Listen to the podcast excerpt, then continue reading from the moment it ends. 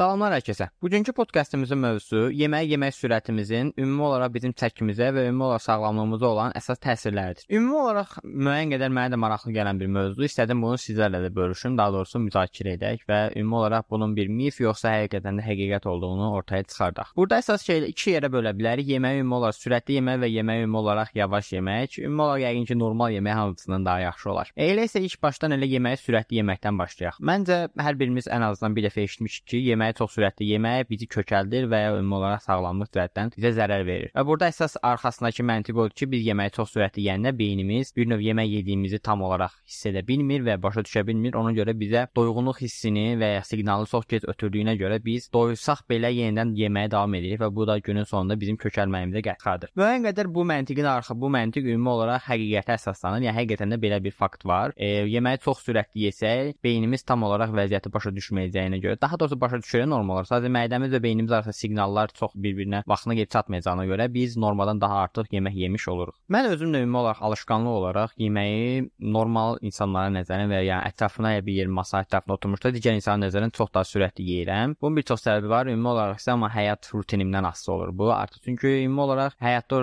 getdikcə hər şeyi daha tez eləməyə başlayırıq, daha sürətli olmağa çalışırıq və bu da öz söz təsirini müəyyən qədər qidalanmamıza təsir edir. E, kökəlməkdən başqa digər problemləri də gətirib çıxarda bilər. E, bunun hiss olaraq problemləri isə məsələn ümumi olaraq çox əgər yemək sürətli yeyirsə, böyük ehtimalla həmin yeməkdən o qədər də həzz almayasınız. Çünki müəyyən qədər çox vaxt belə müqayisə edə bilərik. Əgər yeni bir qida yoxlayırsa, yeni bir yemək yeyirsə və ümumi olaraq yeni bir məkana gedib orada yemək yeyirsə, yemək çox zaman daha yavaş yeyirik. Çünki həmin andan, həmin e, ətrafdan, həm ətrafdan həm də qidalandığımız qidadan həzz almağa çalışırıq. E, bu tip şeylərdə sürətli yeyəndə artıq yeməkdən həzz ala bilmirik. Bundan başqa bir çox digər e, xəstəliklərə və problemlərə gətirib çıxa bilər. Bunlar e, metabolizmanın yaxşı işləməməsi kimi xəstəliklər təbii ki, diabetə, e, insulinlə bağlı problemlərə, yəni insulin bildiyimiz kimi biz qida qəbul etdikdə əsasən də karbonhidrat və ya şəkər bədənimizdə insulin hormonu ifrazı artır birdən-birə. E, bu tip problemləri də gətirib çıxarda bilər. Ümumi olaraq çox sürətli yemək. Bəs ümumi olaraq e, sürətli yeməyimizin qarşısını necə ala bilərik? Yəni yeməkləri daha yavaş və daha normal yemək üçün edə bilərik. Burada əsas e,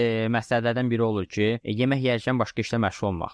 Yemək yeyərkən çox zaman biz televizor və yaxud da telefondan bir şeylərə baxırıq və ümumi olaraq başımız qarşı olur. Bu zaman yeməyi daha sürətli yeyirik. Ümumi olaraq yeməyə bütün fokusumuz yeməyə olsa, e, müəyyən qədər yeməyi daha az, daha doğrusu daha yavaş-yavaş yeyə bilərik. Bundan başqa çox az qalmayır. Çünki müəyyən qədər əgər çox aclıqdan sonra yemək yesək, e, çox vaxt daha tez-tez yemək istəyirik ki, daha tez-tez doyaq. E, yeməkləri çalışın mütləq və mütləq yaxşı çeynəyin. Yəni çeynəmə ümumi olaraq yeməyin əsas həzm prosesi birinci ağzımıza başlayır. Yəni yeməyi qəbul edirik, ağzımızda çiynirik, onu kiçik parçalara ayırırıq və ondan sonra mədəmizə doğru gedir. E, bundan başqa e, qidalanan zaman ki, daha kiçik porsiyalarda daha az ağzımıza yemək almaq, yəni daha kiçik-kiçik dişləmək qidaları daha müəyyən qədər e, bizim yeməyi yavaş yeməyimizə, daha da gec bitirməyimizə gətirib çıxarda bilər. İndi isə müəyyən qədər e, yeməyi yavaş yeməyin üstünlüklərindən və müəyyən qədər bizə verə biləcək faydalardan danışaq. E, sürətli yeməyin əksinə e, yaxşı qeyd etdiyim kimi yavaş yeyəndə yeməkdən daha çox həzz ala bilərik. Bu da müəyyən qədər hiss olaraq bizə daha yaxşı bir hiss bəxş edir, e, hormonal olaraq da. E, bundan başqa yeməyi yavaş yedikdə günün sonunda həm beynimiz, həm də mədəmiz özlərini bir-birlərinə ötürməli olduqları siqnalları daha yaxşı ötürdüklərinə görə sözün əsl mənasında nə zaman doysaq artıq yeməyi də bitirmiş oluruq. E, bundan başqa həzmi yaxşılaşdırmaq üçün də